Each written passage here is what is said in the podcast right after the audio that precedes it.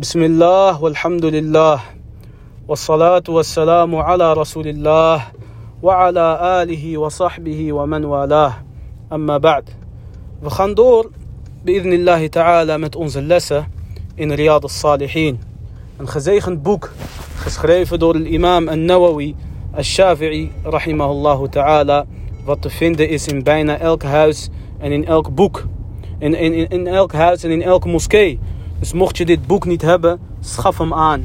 Aanwezig, alhamdulillah, in het Arabisch, in het Engels en zelfs in het Nederlands. De eerste hadith die we vandaag behandelen is een hadith die is overgeleverd door Tirmidhi rahimahullah ta'ala. Daarin staat dat de profeet sallallahu alayhi wasallam gezegd zou hebben: Al-kayyisu man dana nafsahu wa amila lima ba'da al-maut. والعاجز من اتبع نفسه أو من أتبع نفسه هواها وتمنى على الله الأماني. In deze hadith wordt er gezegd: Al-Kayyis, de slimmerik, dat is degene die zichzelf beoordeelt. Dat is degene die zichzelf aanpakt. وَعَمِلَ لِمَا بَعْدَ الْمَوْتِ En hij verricht daden voor na zijn dood, dus voor de akhira. de nutteloze, de luie, de mislukkeling als het ware. Men atba'a nafsahu hawaha. Dat is degene die zijn begeerten volgt. Watamanna ala Allah amani. En hij wenst dat Allah hem bepaalde dingen gaat geven zonder er iets voor te doen. Deze hadith is bijzonder. Niet alleen vanwege de inhoud, ook vanwege zijn positie in Riyad al-Salihin. Dit is een van de weinige ahadith waarover is gezegd dat deze da'if is. Dat deze hadith zwak is in Riyad al-Salihin. En zwak betekent dus dat je dit niet kan toeschrijven aan de profeet sallallahu alayhi wasallam. En de geleerde verschillen van mening dus, heeft, deze, heeft de profeet sallallahu alayhi wasallam deze woorden gezegd of niet. Tayyib, als deze hadith da'if is, waarom noemt de imam al-Nawawi deze hadith op in Riyad al-Salihin? Daar zijn meerdere redenen voor. Daar kunnen meerdere redenen voor zijn. Onder andere omdat de imam al-Nawawi, rahimahullah, bijvoorbeeld vindt dat deze hadith wel correct is. Dat deze hadith wel toegeschreven kan worden aan de profeet sallallahu alayhi wasallam. Net als de imam al-Tirmidhi, de overleveraar van deze hadith. En zijn boek heet Jami' al-Tirmidhi. Dat is een van de zes grote sahih boeken. De zes grote sahih boeken, dat zijn al-Bukhari en Muslim. En alles wat in al-Bukhari en Muslim staat, dat is sahih. Maar voor de rest heb je ook nog de vier sunan. Sunan al-Tirmidhi, Jami' al-Tirmidhi, dat is dit boek. En je hebt ook uh, Sunan Abi Dawood, Sunan al-Nasa'i en Sunan Ibn Majah. Veel ahadith hierin zijn sahih, maar niet alles. En de geleerden die weten dat. Die hebben deze hadith dus overleverd. En de imam al-Tirmidhi zelf, die vond dat deze hadith correct is. Dus de imam al-Nawawi kan deze hadith overleverd hebben, omdat hij zelf vindt van deze hadith klopt wel. Een andere reden is dat al wordt deze hadith niet correct toegeschreven aan de profeet sallallahu alayhi wasallam, de betekenis, daar is geen twijfel over dat dit een goede betekenis is. Dus de betekenis is hoe dan ook goed, al is deze hadith da'if. Al zou deze hadith da'if zijn. Waarom? Wat is de betekenis? De profeet sallallahu alayhi wasallam die zegt: Al-kayyisu man dana nafsah. De slimmering, de slimmerik is degene die zichzelf beoordeelt. En het is altijd goed om jezelf een spiegel voor te houden. Om na te denken van wat heb ik goed gedaan, wat heb ik slecht gedaan en wat kon beter. En dit zouden de zelf constant doen. Dit zouden de zelf constant doen. Umar radiyallahu anhu, die kwam een keer binnen bij Abu Bakr. En Abu Bakr, dat is dus de beste vriend van de profeet sallallahu alayhi wasallam. En hij was ook de khalifa, hij was ook de leider na de profeet sallallahu alayhi wasallam. Umar die kwam binnen en hij zag dat Abu Bakr radiyallahu anhu zijn tong vastpakte. Hij was zijn tong aan het trekken. En dat is natuurlijk raar. Dus Umar radiallahu anhu die zei, wat is er aan de hand? Ja, Abu Bakr. En Abu Bakr die pakte zijn tong vast en hij zei, هذا الذي أوردني الموارد. Deze heeft problemen voor mij gemaakt. Dus Abu Bakr was aan het nadenken over zijn fouten. En de grootste redenen voor zijn fouten vond hij dat was zijn tong, zijn uitspraken. Dus hij had spijt van bepaalde uitspraken. En dat is normaal. En daarom zei de profeet sallallahu alayhi wasallam ook: Wie garandeert mij datgene wat tussen zijn kaken zit en tussen zijn dijbenen? En ik garandeer hem het paradijs. Dus degene die zijn tong kan bewaren en zijn geslachtsdeel kan bewaren en dit alleen op een goede halal manier gebruikt, die is gegarandeerd in het paradijs verklaard door de profeet sallallahu alayhi wasallam. Dat is heel moeilijk. Je tong. Voordat je het weet heb je gescholden, voordat je het weet heb je geroddeld, et cetera, et cetera. Dus in deze hadith wordt er gesuggereerd dat de profeet sallallahu gezegd zou hebben: Al-kayyisu man dana. De slimmerik is degene die zichzelf aanpakt. Degene die zichzelf beoordeelt. Degene die zichzelf controleert. Een van de zelf die zou zeggen, een van de zelf die zou zeggen, jouw nefs, jouw ziel moet je behandelen net als hoe jij een slechte compagnon behandelt. Stel voor je bent een bedrijf begonnen met een compagnon. Twee mans, met z'n tweeën. En diegene is niet helemaal te vertrouwen. Je hebt twijfels over hem. Zonder twijfel ga je de kasboek steeds erbij pakken. Je gaat controleren, klopt het geld wel, et. Je bent altijd op je hoede. Een van de zelf die zei, jouw nefs moet je aanpakken net als hoe jij een slechte compagnon aanpakt. En anders ga je failliet. En anders ga je failliet. En ook de profeet Dawood salam, die adviseerde om jezelf vaak aan te pakken. En ook veel van de zelf, et cetera. Een van de zelf die zou zijn vinger stoppen in een olielamp. Die zou zijn vinger in een, in een vlammetje stoppen. En hij zou zeggen, je kan dit niet eens volhouden. Hoe ga jij de vuur van Jahannam weerstaan? Hoe ga jij de vuur van Jahannam weerstaan? En het is bekend, Jahannam is 70 keer heter. Het hele vuur, het vuur van Jahannam, is 70 keer heter dan het vuur van deze dunya.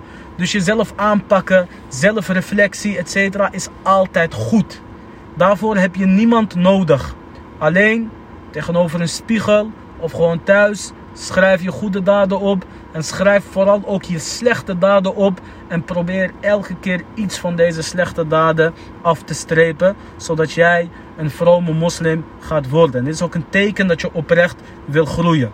En daarna staat er in de hadith: وَعَمِلَ لِمَا بَعْدَ الْمَوْتِ De slimme is degene die daden verricht voor wat na de dood zal komen. En ook dit is zonder twijfel een hele goede betekenis. Investeer in de agira. Net als hoe je in deze dunya studeert, carrière maakt, onderneemt, sparen, etc. Alhamdulillah is allemaal goed. Zolang dit maar halal is. Maar vergeet ook jouw hiernamaals niet. Geef een sadaqa, graaf een put, help een weeskind, help een arme, help een behoefte, eh, help een behoeftige. En ook in de gezegende tijden, net als Ramadan, verricht extra aanbiddingen. En ook in deze dagen. Net is Dhul Hijjah begonnen. Morgen is het 1 Dhul Hijjah. En de dag van Arafah is op 9 Dhul Hijjah. Dat is, uh, dit jaar valt dat op 19 juli. En de Eid is 10 Dhul Hijjah. Dat is dit jaar 20 juli 2021. In deze dagen zijn grote aanbiddingen of zijn aanbiddingen extra groot. En daarom valt Hajj op deze dagen. Kijk, niks in de islam is zomaar. Allah heeft niet zomaar de vrijdag voor ons uitgekozen voor Khutbat al-Jumu'ah. Dat komt omdat vrijdag de beste dag is in de week. Allah Azza heeft niet zomaar de dag van Arafah uitgekozen. Dat komt omdat de dag van Arafah de beste dag is in het jaar. Net als hoe Laylat al-Qadr de beste nacht is in het jaar. En in deze tien dagen zei de profeet sallallahu alayhi wasallam dat in deze dagen de daden zijn bij Allah geliefder in, in deze dagen dan dat iemand van jullie zou gaan vechten met zijn ziel en met zijn geld. Behalve degene die met niks terugkomt. Dus als jij Allah aanbidt met simpele aanbiddingen in deze dagen, dan ben jij beter dan iemand die in het slagveld een strijd aan het voeren is. En de sahaba die zouden heel veel wikker verrichten deze dagen. De profeet sallam zei, خير ما قلت أنا والنبيين من, uh, من قبلي لا إله إلا الله وحده لا شريك له له الملك وله الحمد وهو على كل شيء قدير Dus verricht daden voor de akhira. Grote daden, maar vergeet ook de kleine daden niet. Want een berg die bestaat nou eenmaal uit kiezelsteentjes. Dus wanneer je op, op de bank zit, op je luie bank of in de auto of wat dan ook, zeg met je mond: Subhanallah, walhamdulillah, wa la ilaha illallah, wallahu akbar. Zo ben jij ook bezig voor jouw agira en zo wordt jouw hart ook zachter. Barakallahu fikum. En daarna staat er in de hadith: والعاجز من أتبع نفسه هواها وتمنى على Allah. De zwakke degene die niet in staat is, de nietsnut, de mislukkeling. Dat is degene die zijn begeerte volgt en denkt van het komt wel goed. Allah zal mij wel gunnen. Pas op voor je begeertes, barakallahu fikum. Onze begeertes, onze lusten, die kunnen letterlijk een afgod zijn. Sommige mensen houden van geld. Ze aanbidden letterlijk geld. Sommige mensen aanbidden status. Het alles voor de likes. Het gaat ze alleen maar om de volgers. Ze willen zo graag een celebrity zijn, een BN'er of een BM'er of wat dan ook. Sommige mensen aanbidden vrouwen. Sommige mannen aanbidden vrouwen. enige wat, wat, wat hun boeit is relaties. Zoveel mogelijk vrouwen die hard to get vrouwen krijgen. Sommige mannen die krijgen er letterlijk een kick van als ze een bekende vrouw of een moeilijk te krijgen vrouw aan de haak slagen.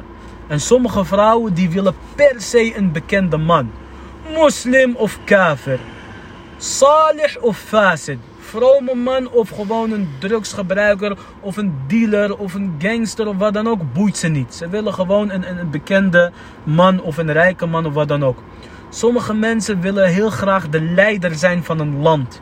Het boeit ze niet hoeveel mensen ze, ze, ze doden en hoeveel mensen ze kapot maken. Sommige mensen willen per se een leider zijn van de gemeenschap. Of zelfs een leiderfiguur in zijn vriendengroep en zijn omgeving. Het boeit hem of haar niet over hoeveel mensen ze roddelen of hoeveel mensen ze kapot maken, etc. En daarom zie je ook dat mensen vaak bewust tegen elkaar worden opgezet. Waarom? Omdat de ander er met de buit vandoor wil gaan. El mohim, wat ons boeit in deze les, barakallahu fikum, is pas op voor je begeerte. Zorg ervoor dat je je dien niet vergeet. Als het gaat om een bepaalde carrièrekans of een bepaald huwelijk of geld of rijkdom. En ga niet denken van het komt goed, Allah zal mij wel gunnen, etc. En zoals iedereen, mashallah, zegt, Inna Allah ghafur rahim. Zonder twijfel, het klopt. Allah is genadevol en hij is de meest vergevingsgezinde. Dat klopt. Maar Allah is ook shadidul iqab. Zijn bestraffing is ook heel hard van Allah subhanahu wa ta'ala. En hoe weet jij zeker dat Allah jou niet pakt op een moment van woede?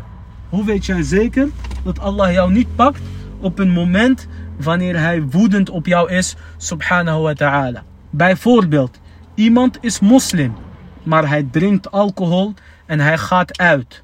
Of iemand is een moslima en zij drinkt alcohol en zij gaat uit. En deze mannen en vrouwen hebben een haram relatie. Ze zijn allemaal moslims. Nadat ze zijn uitgegaan en nadat ze dronken zijn, stappen ze met elkaar in de auto.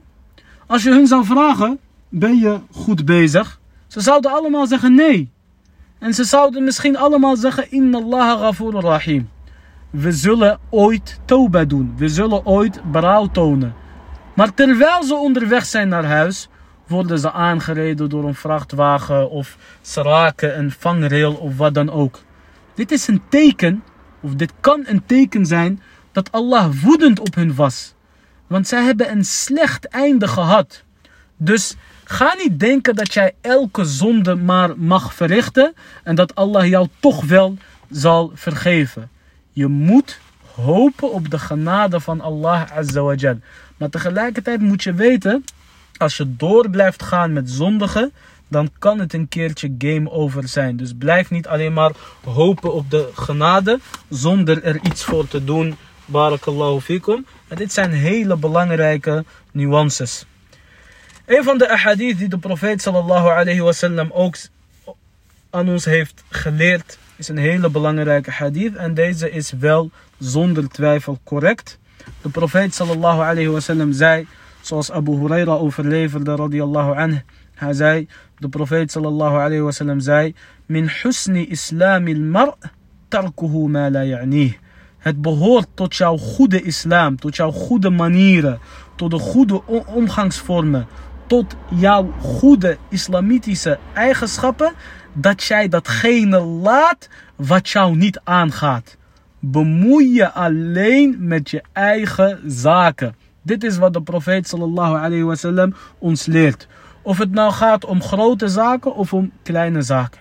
Ja, sommige mensen, mashallah, ze lijken net de geheime dienst. Van waar ben je gekomen? Wat heb je gedaan? Met wie ben je geweest? Waarom? En dit en dat. Terwijl je diegene misschien niet eens kent. Of nog erger, zij vragen bij anderen over jou. Of jij vraagt bij anderen over hun. Je bent nieuwsgierig. En niet eens positief nieuwsgierig, maar te nieuwsgierig. Je wil alles weten. En dit is een brug naar afgunst. En vaak degene die alles over iedereen wil weten, die is ook gewoon heel vaak afgunstig. En die is jaloers en die wil hetzelfde. Tayyip de profeet sallallahu alayhi wasallam, die heeft ons geleerd, een manier geleerd hoe we eigenlijk zo min mogelijk jaloers kunnen worden op anderen. En hoe we ons, onszelf ook gewoon kunnen temmen. De geleerden die zeggen jouw nefs, jouw ziel, is net als een paard. Een paard moet getemd worden. Een paard die krijgt een bepaalde opleiding, die, die, die moet tam gemaakt worden en gehoorzaam. En, en, en die moet, een paard krijgt discipline aangeleerd. Zo is jouw nefs. Je moet jouw nefs, en dit geldt voor mij als eerste en dit geldt voor ons allemaal. Je moet jouw ziel beteugelen. Je moet jouw ziel aanpakken. Hoe doe je dat? Onder andere door niet te vragen naar iets wat jou niet aangaat. Wees geen nieuwsgierigheid. Wees geen nieuwsgierig aagje en ga niet alles willen weten over iedereen. Hoor je iets, alhamdulillah. Hoor je het positieve, zeg het door. Hoor je het negatieve, bedek iemands fouten en doe alsof je het niet hebt gehoord. Dus de profeet sallallahu zegt, leert ons in deze hadith, bemoei je niet met andermans zaken. En nogmaals, dit gaat om dunya zaken en niet om dienzaken. Want wanneer je iemand iets slechts ziet doen, wanneer je iemand ziet zondigen, dan moet je diegene wel adviseren. Je moet hem niet exposen, maar je moet diegene wel adviseren.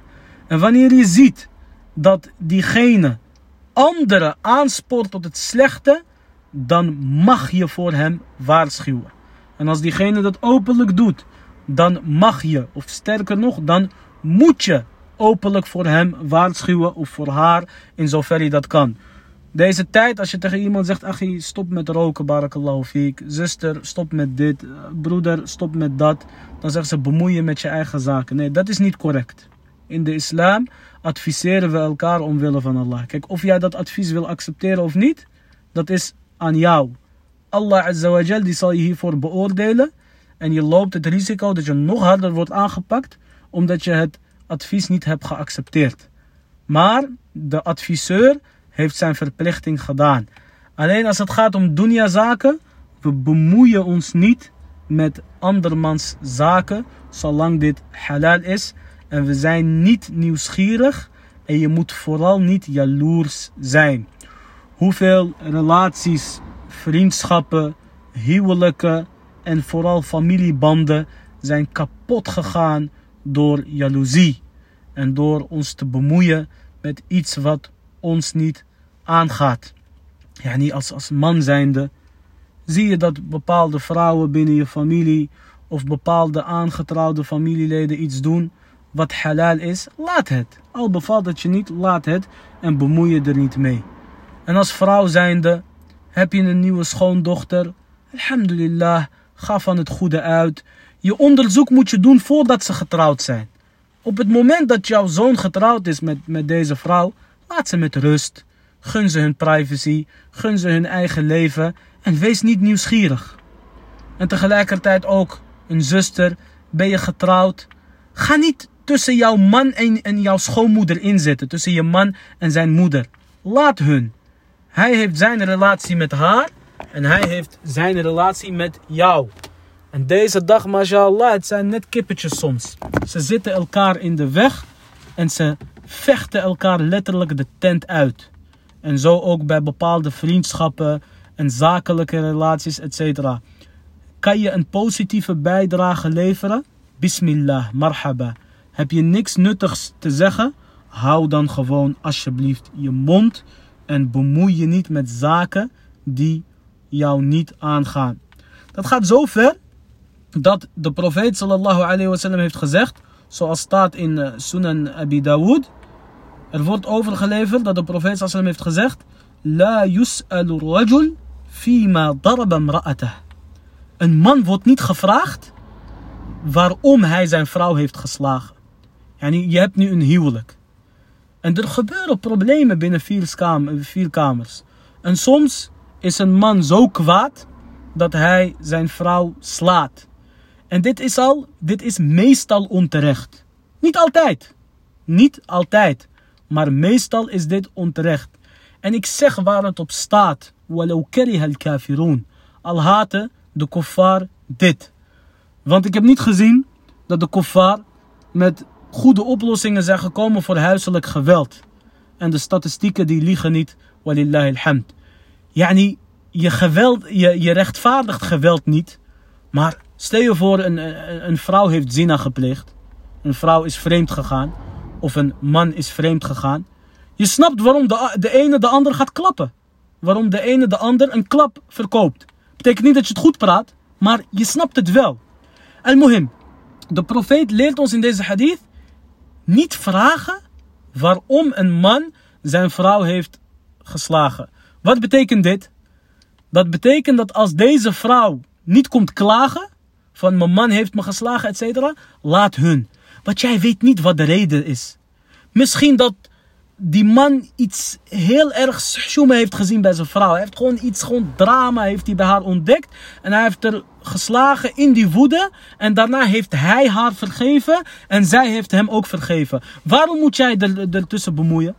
En subhanallah, dit is ook gelijk een advies aan alle getrouwde koppeltjes. Hebben jullie ruzie? Nogmaals, ik heb het over ruzie en niet over geweld. Hebben jullie, over, hebben jullie ruzie? Zorg ervoor dat dit binnenskamers blijft. Ga niet alles aan de grote klok hangen. Want man en vrouw, die kunnen elkaar soms heel snel vergeven. Die zijn soms drie dagen boos op elkaar, één week, twee weken. En daarna denken ze van, weet je wat, ik denk aan zijn goede eigenschappen. Ik denk aan haar goede eigenschappen. En zand erover. We hebben samen kinderen. Of we hebben samen zoveel meegemaakt. En zoveel mooie momenten. En wij gaan gewoon door. En niemand kan je tegenhouden. Stel je voor dat iemand een poging tot moord heeft gedaan. En hij moet daarvoor een paar jaar in de cel zitten. Hij had een poging tot moord gedaan op zijn vrouw. En hij komt naar buiten. En deze vrouw die, die, die besluit tegen alle adviezen in. Die besluit om gewoon door, om met hem door te gaan. En het is heel onverstandig. Ook al is het onverstandig, niemand kan haar tegenhouden. Het is haar eigen keus. En het is ook vaak gebeurd. De kranten staan er vol mee. Maar het gaat erom dat de islam ons leert en dit is wat ik wil meegeven, bemoei je niet met andermans privé. Totdat er om jouw hulp gevraagd wordt.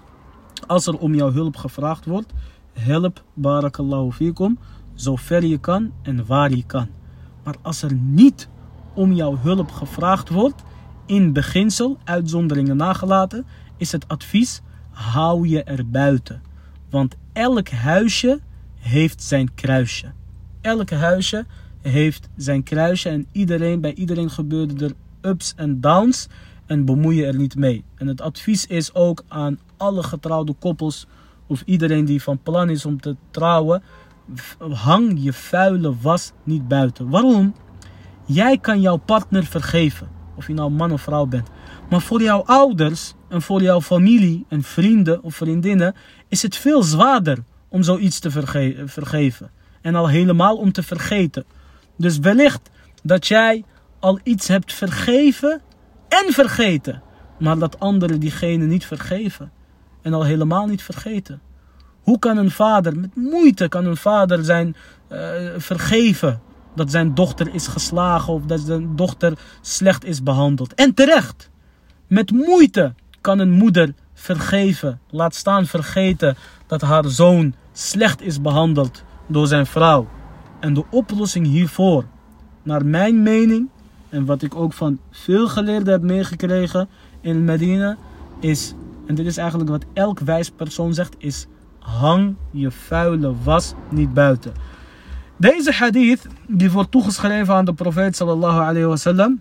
Yani een, een man die wordt niet gevraagd waarom hij zijn vrouw heeft geslagen. Deze hadith is ook da'if verklaard door de Sheikh al-Albani. Deze hadith is zwak verklaard door de Sheikh al-Albani. Maar vele van onze mashayikh die zagen deze hadith toch als correct. Wallahu ta'ala a'lam. En de betekenis is hoe dan ook correct. Namelijk, word je niet niks gevraagd, bemoei je niet met andermans zaken. Want op lange termijn is dit het verstandigst. Op lange termijn is dit het meest wijze, bi'idnillahi ta'ala. Daarna gaat al-imam al-Nawawi over op een nieuwe hoofdstuk. Een zeer belangrijke hoofdstuk. En deze hoofdstuk heet Babun fit taqwa. Hoofdstuk in godsvrees. De Koran staat vol met de oproep om Allah Azza wa te vrezen. الله زغت يا أيها الذين آمنوا اتقوا الله حق تقاته. فريس الله اخت سو أصد هولت أن الله عز وجل زغت أوك فاتقوا الله ما استطعتم. فريس الله زوفر يلي كنا أن الله عز وجل زغت أوك أن تس أي فان دموست آيات أي فان دموست فرز إن القرآن ألف فرز إن القرآن زين موي الله زغت ومن يتق الله يَجْعَلْ لَهُ مَخْرَجًا وَيَرْزُقْهُ مِنْ حَيْثُ لَا يَحْتَسِبْ Allah zegt, en degene die Allah vreest, Allah maakt voor hem een uitweg. وَيَرْزُقْهُ مِنْ حَيْثُ لَا يَحْتَسِبْ En hij voorziet hem van waar hij niet weet. Yani als je Allah vreest, Allah maakt voor jou een uitweg. En hij geeft jou op een manier wat jij niet eens doorhebt. Hij maakt voor jou een deur open. Jij wist niet eens dat die deur bestond. Maar wat moet je doen? Allah vrezen. En dat is niet altijd even makkelijk. Maar vertrouw op Allah en Hij maakt alles voor je makkelijk. En de Koran en de Sunnah die staan vol met de oproep om Allah te vrezen. Want rekening houden met Allah en bang zijn voor de bestraffing van Allah en hopen op de beloning van Allah. Dit is het taqwa en dit is de sleutel voor al het goede. Een van de zelf die werd gevraagd, geef mij de definitie van het taqwa. Want je hoort vaak het taqwa, ittaqullah, ittaqillah. Maar wat is het taqwa? En deze grote geleerde die zei, stel je voor, je zou lopen door, een, door, door struiken vol met dorens. En je hebt dan kleding aan, een kamis of een jurk. Zou je dan deze kledingstuk niet, niet omhoog tillen? Of zou je, stel voor je loopt door een weg vol met dorens. Probeer je de dorens dan niet te vermijden? Zodat je niet geprikt wordt? Diegene die zei zonder twijfel. Hij zei dit betekent het taqwa. Taqwa betekent dat je de zonde zoveel mogelijk probeert te vermijden. En daarom heeft Allah Azza het constant in de Koran over taqwa. Want dit is nogmaals de sleutel tot al het goede. De profeet sallallahu alayhi wasallam die zei, zoals we hebben al, hebben behandeld in de hadith die is geweest. Ittaqillah kunt. Vrees Allah waar je ook bent. En in een andere hadith, die is overgeleverd door Bukhari en Muslim, muttafaqun alayh, oftewel sterker kan niet. De profeet sallallahu die werd gevraagd, Ja Rasulallah, men akramun nas? O boodschapper van Allah, wie is de meest edele der mensheid? De profeet zei, atqahum, de meest godsvrezende. En ze zeiden, wij vragen jou niet hierover, ja Rasulallah. Yani, wanneer wij zeggen, wie is de meest edele mens? We bedoelen niet qua taqwa, we bedoelen wat anders. En toen zei de profeet sallam, van Yusuf. De meest edele persoon is Yusuf. Waarom? Nabiyullah. Hij is de profeet van Allah. Ibnu Nabiyullah. Maar hij is ook een zoon van een profeet van Allah. Oftewel Yaqub, Israël. Ibn Nabiyillah. En die is weer een zoon van een profeet. Oftewel Ishaq. Ibn Khalilillah. Zoon van de boezemvriend van Allah Azawajal. En dat is Ibrahim alayhi salam. En dit is de meest edele. Waarom? Profeet, zoon van profeet, zoon van profeet, zoon van profeet. En zijn vader, zijn opa en zijn overgrootopa waren profeten en hij zelf ook. En toen zeiden de sahaba weer, hierover vragen wij jou niet. En toen zei de profeet sallam, fa'an ma'adin al-arab tas'aluni. En jullie vragen mij over de Arabieren en over hun afkomst. En welke stam is het meest eervolle? Toen zei de profeet sallam, khiyaruhum fil jahiliyah, khiyaruhum fil islam, idha faqhu. De beste van de Arabieren, dat waren de beste in de jahiliya. Die zijn ook de beste in de islam als zij kennis opdoen. Kijk, de profeet sallam heeft niet speciaal één stam opgenoemd. Dat is haram in de islam. Dat je trots bent op je stam en dat je jezelf ook beter vindt dan de ander. En we moeten gewoon direct zijn, zoals jullie van ons gewend zijn, alhamd. Heel veel mensen kijken neer op de ander. Ik ben zelf toevallig Marokkaan, maar dit, help, dit heb je in elk land. En bijvoorbeeld heb je bij ons, je hebt bij ons mensen die neerkijken op soesies. En uh, kijken weer neer op sloh.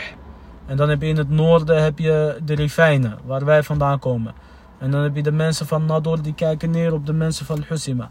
En de mensen van Husima die kijken neer op de mensen van Nador. Mensen van Tetwan op Tanja, van Tanja op Tetwan, van het noorden op de zuiden, van westen op de oosten, etc. Dit is allemaal van een shaitaan. De profeet sallallahu alayhi heeft gezegd: Da'uha fa innaha. Laat dit, want het stinkt. Inna akramakum indallahi atqakum. Zegt Allah in de Koran. En dit heeft te maken met de taqwa. De meest edele van jullie bij Allah, dat is degene met de meeste godsvrees. Jouw afkomst maakt jou niet beter als jij zelf niet goed bent. Al was jouw vader een geleerde, al was jouw vader een profeet, je moet zelf je best doen. Kijk Noah alayhi salam, hij was een profeet, zijn zoon was kafir. Kijk de vrouw van Lot alayhi salam, hij was een profeet, zijn vrouw was kafira. Kijk Asia, de vrouw van de Firaun. Haar, de, de vrouw van de Firaun. Haar man was de farao. Die zit laag in de hel. Die zit diep in de hel. Dieper kan niet. Maar zij zit in het paradijs. Dus jouw afkomst kan jou niet maken, nog breken. Kijk, als jij komt uit een familie van kennis, dat is een bonus. Dat is een gunst van Allah. Het is een gunst van Allah als jouw vader een geleerde is. Alhamdulillah, wees blij. Die kennis heb jij thuis. Als je vader je Arabisch hebt geleerd, alhamdulillah, die kennis heb je van huis uit meegekregen. Is je vader miljonair of miljardair? Alhamdulillah, je hebt rizq van het huis meegekregen. Is je heeft je vader je, of je moeder je geleerd om gastvrij te zijn en geduldig, etc. Alhamdulillah. Ben jij van adel? Kom jij van een belangrijke familie? Alhamdulillah, je hebt bepaalde connecties die je kan inzetten in het goede. En die moet je ook inzetten omwille van Allah. Je moet jouw geld en jouw kennis en jouw afkomst, afkomst en jouw status en jouw netwerk, die moet je inzetten omwille van Allah. Want wij zijn allemaal slaven van Allah Azawajal. Maar dat betekent niet dat jij beter bent dan een ander. En subhanallah, de mooiste mensen, dat zijn de mensen die self-made zijn. Die zichzelf groot hebben gemaakt met de wil en met het succes van Allah Azawajal. En de Arabieren die hielden daarvan en ze hebben daar gedichten over geschreven.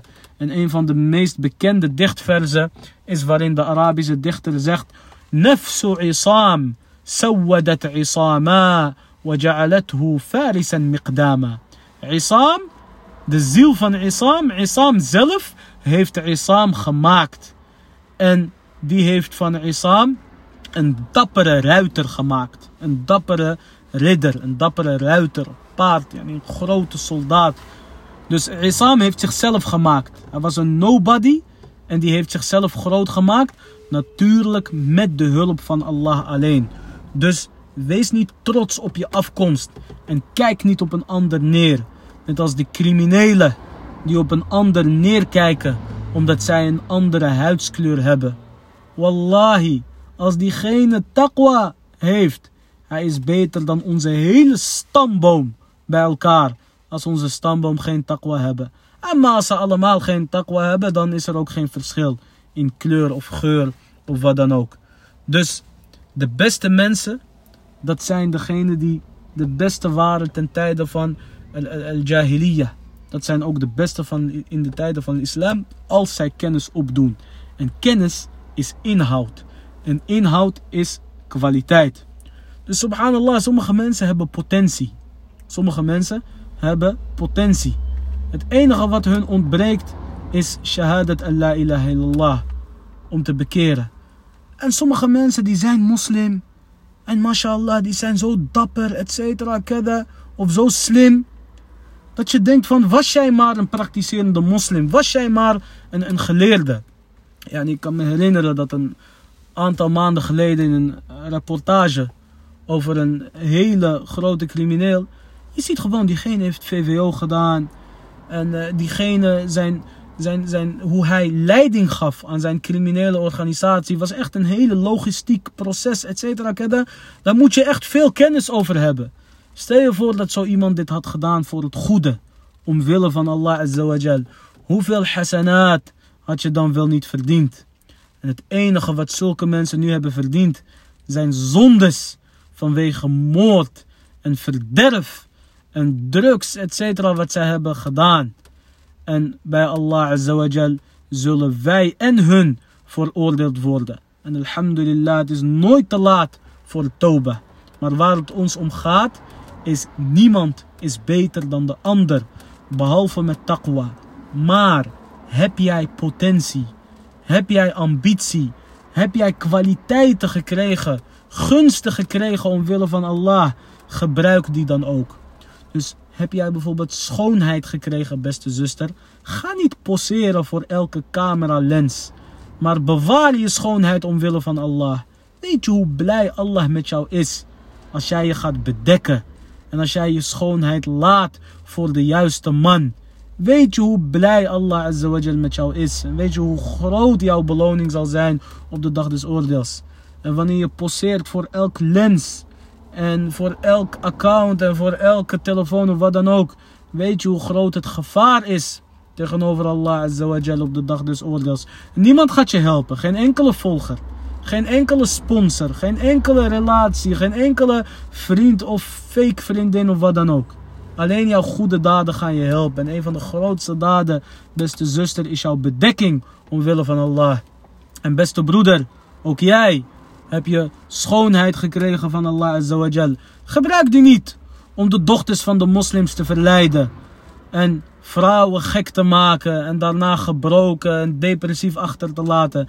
Maar gebruik deze schoonheid door een ander te plezieren omwille van Allah. En door te trouwen en een ander te laten genieten omwille van Allah.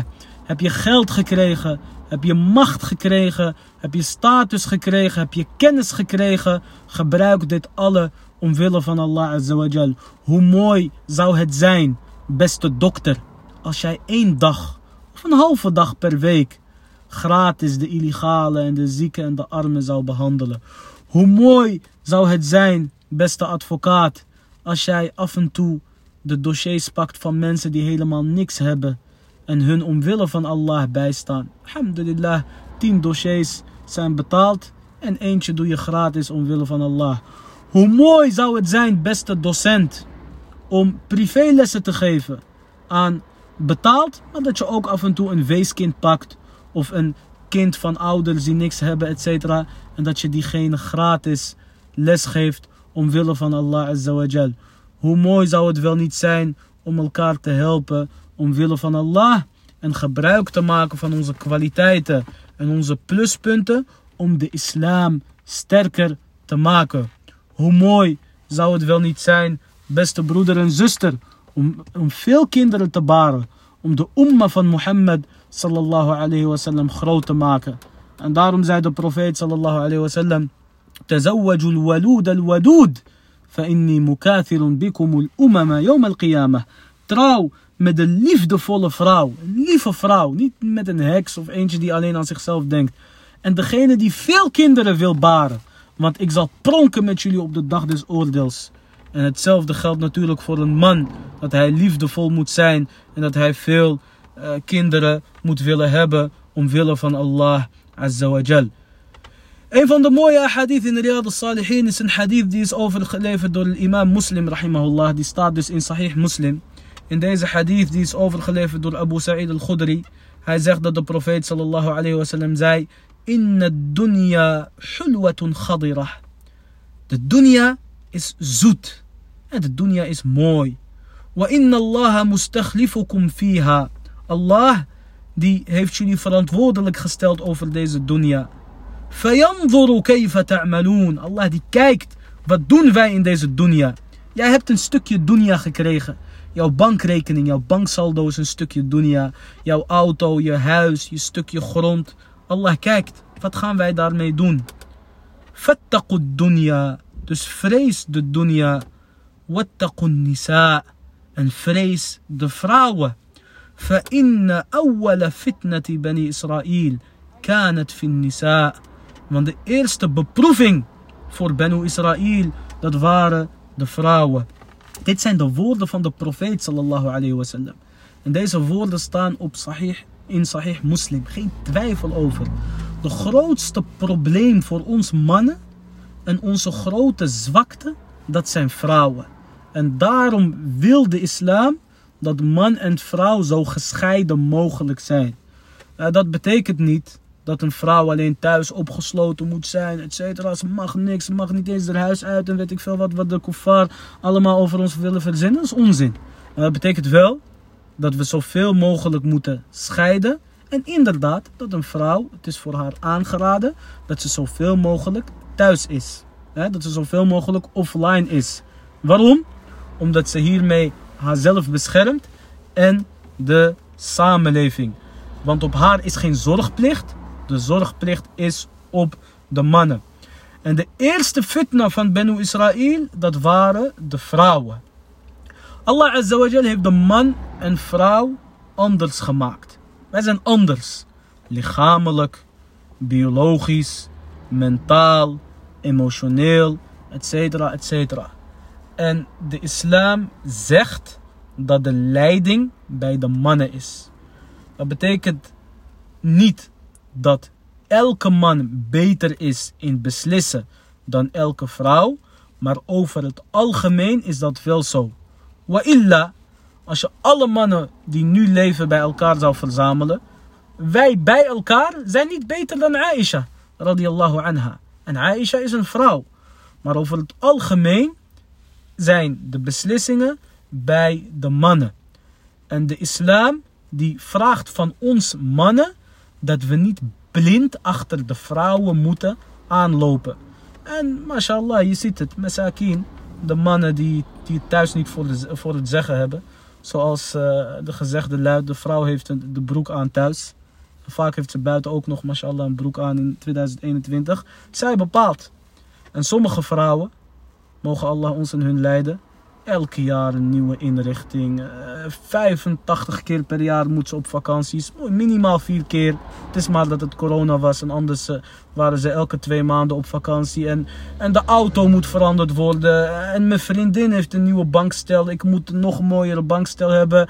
En elke trouwfeest wil ze een nieuwe takshita. En huren is niet genoeg. En ze moet kopen, et cetera, et cetera. Dat bestaat gewoon vandaag de dag. En de profeet sallallahu alayhi wasallam die leert ons dat we de vrouwen hierin niet moeten volgen. Moeten niet hierin volgen. En de eerste fitna van Benu Israël, dat waren de vrouwen. En dat zien we vandaag de dag. Als je wil dat je auto goed verkoopt en dat je spul of je product goed verkoopt, als je reclame maakt, zet er een aantal modelletjes erbij. En het draait tien keer beter. En nu laten we het hebben over wielrennen, Tour de France. Of over Formule 1. Hè? Dat Max Verstappen gedoe en uh, racen, et cetera. Waarom moeten er vrouwen zijn bij die podium? Of laten we het hebben over MMA, wat sowieso onzin is. Dat boksgedoe, et cetera. Waarom zien we daar vrouwen die bloot, half naakt, hun lichaam lopen te showen en bepaalde handelingen daar verrichten? Wat heeft zo'n vrouw zo'n model te maken met die bokswedstrijd. Waarom moet zij ook de ring in? Gaat zij vechten? Is zij scheids, etc.?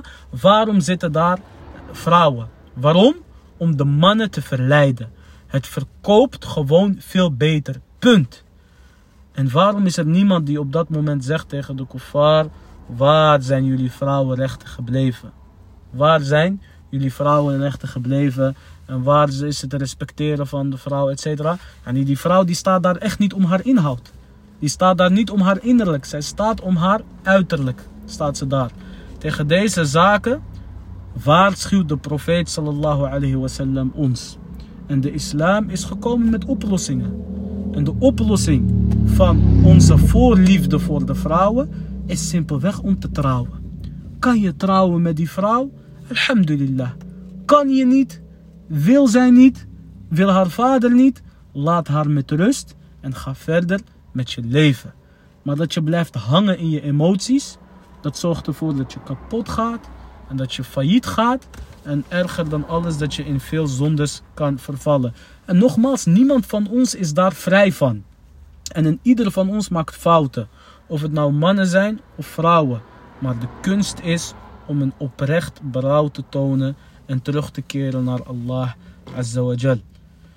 Een van de mooie hadith die ook is overgeleverd door, door imam Muslim is dat de profeet sallallahu alayhi wa sallam zei Allahumma inni as'aluka al-huda wat-tuqa wal-afafa wal-ghina. O Allah, ik vraag u om leiding. En ik vraag u om godsvrees. En ik vraag u om al-afaf, om kuisheid. En ik vraag u om al-ghina, om rijkdom. De profeet sallallahu alayhi wasallam die verrichtte dua met korte zinnen, korte woorden. Maar die zinnen die zeggen heel veel. De profeet sallallahu die sprak weinig, maar hij zei heel veel. Zoals staat in de hadith, wa utitu jawami al-kalim. De profeet sallallahu kon in een paar woorden heel veel zeggen. En deze tijd wat we vaak zien, mensen die praten heel veel, maar ze zeggen vrij weinig. In deze hadith zei de profeet sallam, oh Allah, of in deze dua, ik vraag u om leiding. als je leiding krijgt van Allah, dan ben je op het rechte pad. En ik vraag u om godsvrees. Want als je godsvrees hebt, taqwa, dan vermijd je de zonde. En ik vraag u om al-afaf, kuisheid. Want als je kuis bent, dan verval je niet in zina en dan verval je ook niet in haram relaties. En ik vraag u om rijkdom. Want arm zijn is een vernedering. Het is gewoon heel eerlijk. Als je weinig hebt, je voelt je vernederd en je wordt ook vernederd door anderen. Dus rijk zijn is mooi. Maar rijk zijn betekent niet dat je alles hebt of dat je alles moet hebben. Rijk zijn betekent dat je genoeg hebt op, om onafhankelijk te zijn. Dus je hebt je eigen huisje, je hebt je eigen auto, je werkt voor jezelf. Alhamdulillah, je kan je kosten betalen. Jij bent rijk. En rijkdom is niet alleen jouw cashflow. Sterker nog, er is veel meer rijkdom. Het hebben van een goede vrouw is rijkdom. Het hebben van gezonde kinderen. Het hebben van kennis is grootste rijkdom die een mens kan hebben. Dus de profeet sallallahu alayhi wasallam die vroeg Allah om deze vier dingen. Dus focus je hierop, beste moslim. Doe kennis op, zodat Allah je leidt. Tem jezelf, zodat je taqwa krijgt. Trouw en vermijd al haram en alle wegen naar het haram, zodat je kuis bent. En wees tevreden, zodat je jezelf ook rijk voelt. Walillahi alhamd.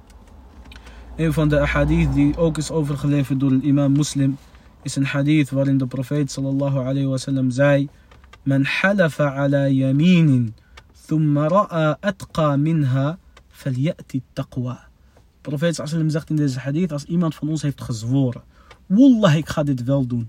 Of Wallah, ik ga dit helemaal niet doen. En daarna ziet hij eigenlijk iets wat beter is. Laat hem dan datgene doen wat, wat godsvrezender is. Stel voor iemand heeft gezegd: Wallah, ik ga nooit meer met die en die praten. Hij heeft gezworen. Zij heeft gezworen. Of Wallah, ik ga diegene slaan. Wallah, ik ga wraak nemen. En na een tijdje is je woede gedaald. Je woede is verdwenen. En je denkt van nee, dit is eigenlijk niet goed. Wat ik wou doen, of wat ik wil doen, is niet goed. Dan moet je niet zeggen, ik heb gezworen, ik ga door. Nee, dan moet je datgene doen wat beter is. Maar ik heb wallah gezegd, hoe los ik dit op? Door een kafara. door een boetedoening te betalen. Namelijk het voeden of het kleden van 10 armen. Gemiddelde maaltijd, laten we het makkelijk houden, het voeden van 10 armen. Je gaat in Nederland of in Marokko of wat dan ook en je geeft 10 armen een broodje. Wat is voor jou gemiddeld? Een broodje kip? Geef ze een broodje kip. Wat is voor jou gemiddeld? Een broodje tonijnsalade? Geef ze een broodje tonijnsalade aan 10 armen. Wat is voor jou gemiddeld? Uh, een bord couscous met twee, drie kippen erop. Laat 10 mensen daarvan eten en je bent klaar. En als je dat niet hebt, je kan ze niet voeden of kleden, etc. Dan vast jij drie dagen. En daarmee ben je dus niet meer zondig voor het zweren. Dus de profeet sallallahu alayhi wasallam die spoort ons aan. Als je hebt gezworen en daarna kom je tot de conclusie dat iets anders beter is dan datgene waarvoor je hebt gezworen, dan moet je niet zeggen van ik heb gezworen en ik ga dat doorzetten. Nee, kies voor het taqwa en dat is beter. Een van de mooie hadith is een hadith of een uitspraak die de profeet sallam heeft gemaakt tijdens het hajj. En dit is heel toepasselijk, want het hajj is dus volgende week.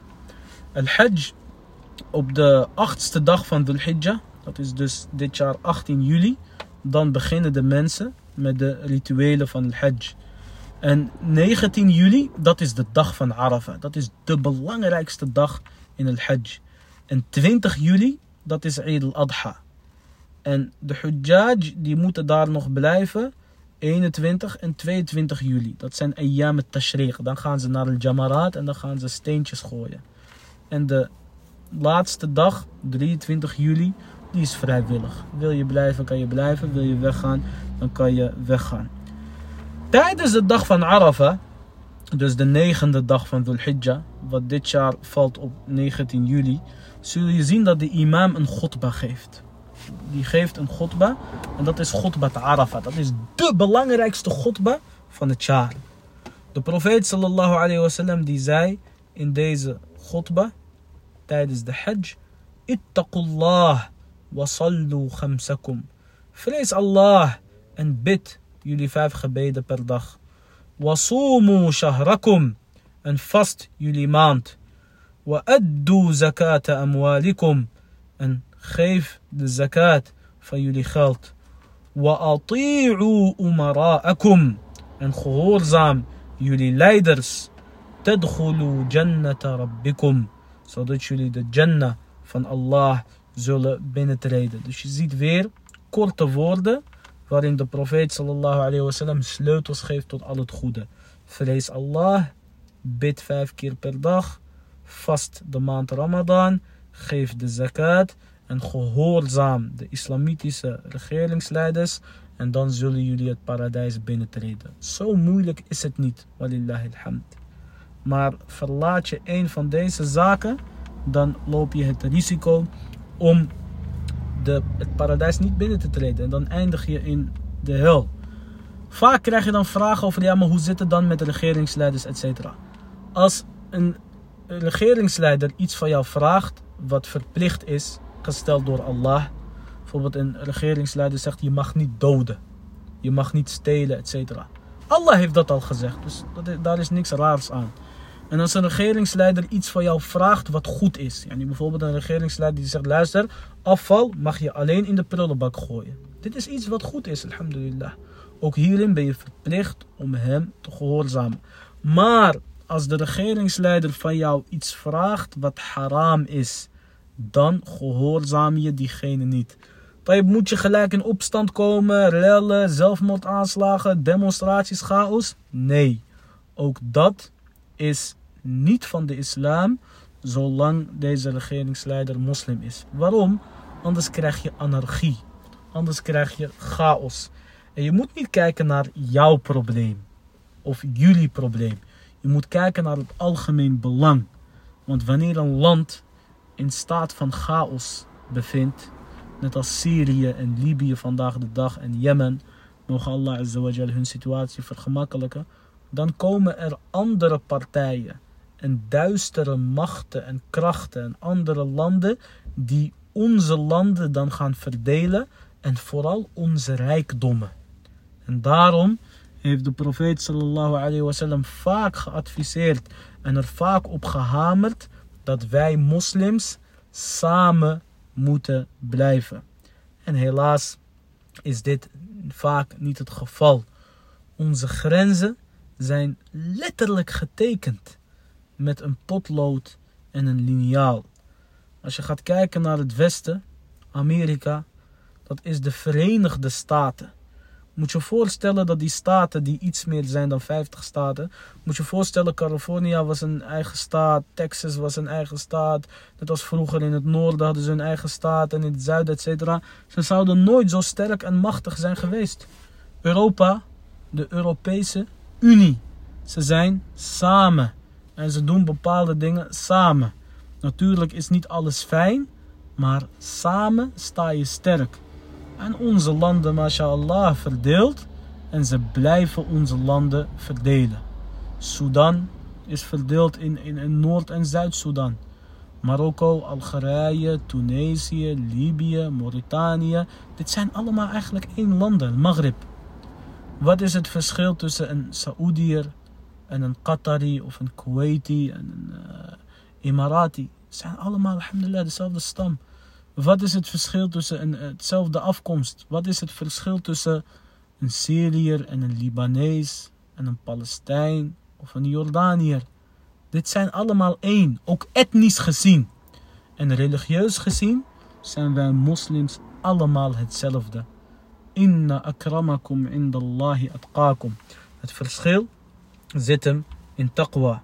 Dus dit is wat de profeet sallallahu alayhi wasallam ons leert om het paradijs binnen te komen. Vrees Allah. Hou rekening met Allah in alles wat je doet.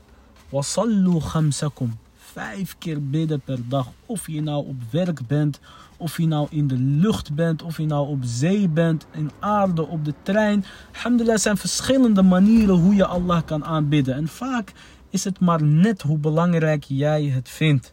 Maar jouw vijf gebeden al zou er een oorlog zijn, dan nog moet je bidden. Al bid je staand, al bid je met je ogen, al ben je ziek.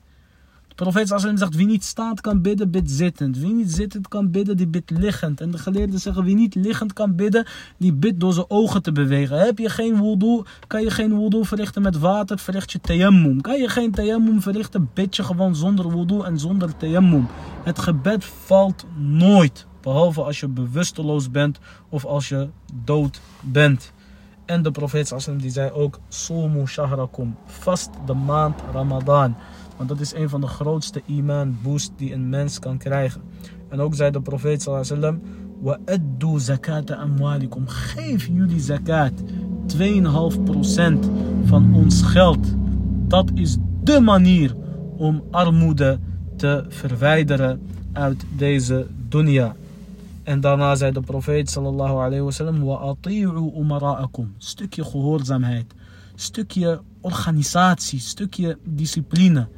Dat is zelfs gewoon in de moskee. Iemand is de voorzitter van de moskee.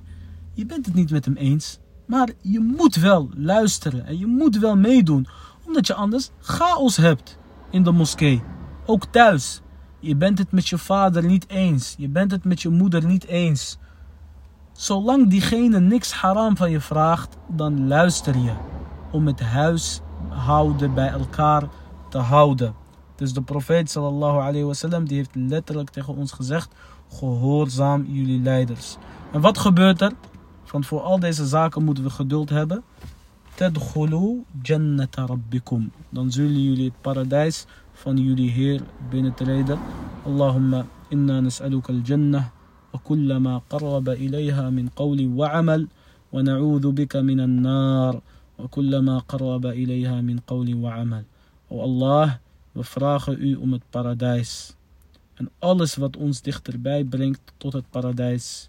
En we zoeken toevlucht bij u van het helle vuur en alles wat ons dichterbij kan brengen tot het helle vuur.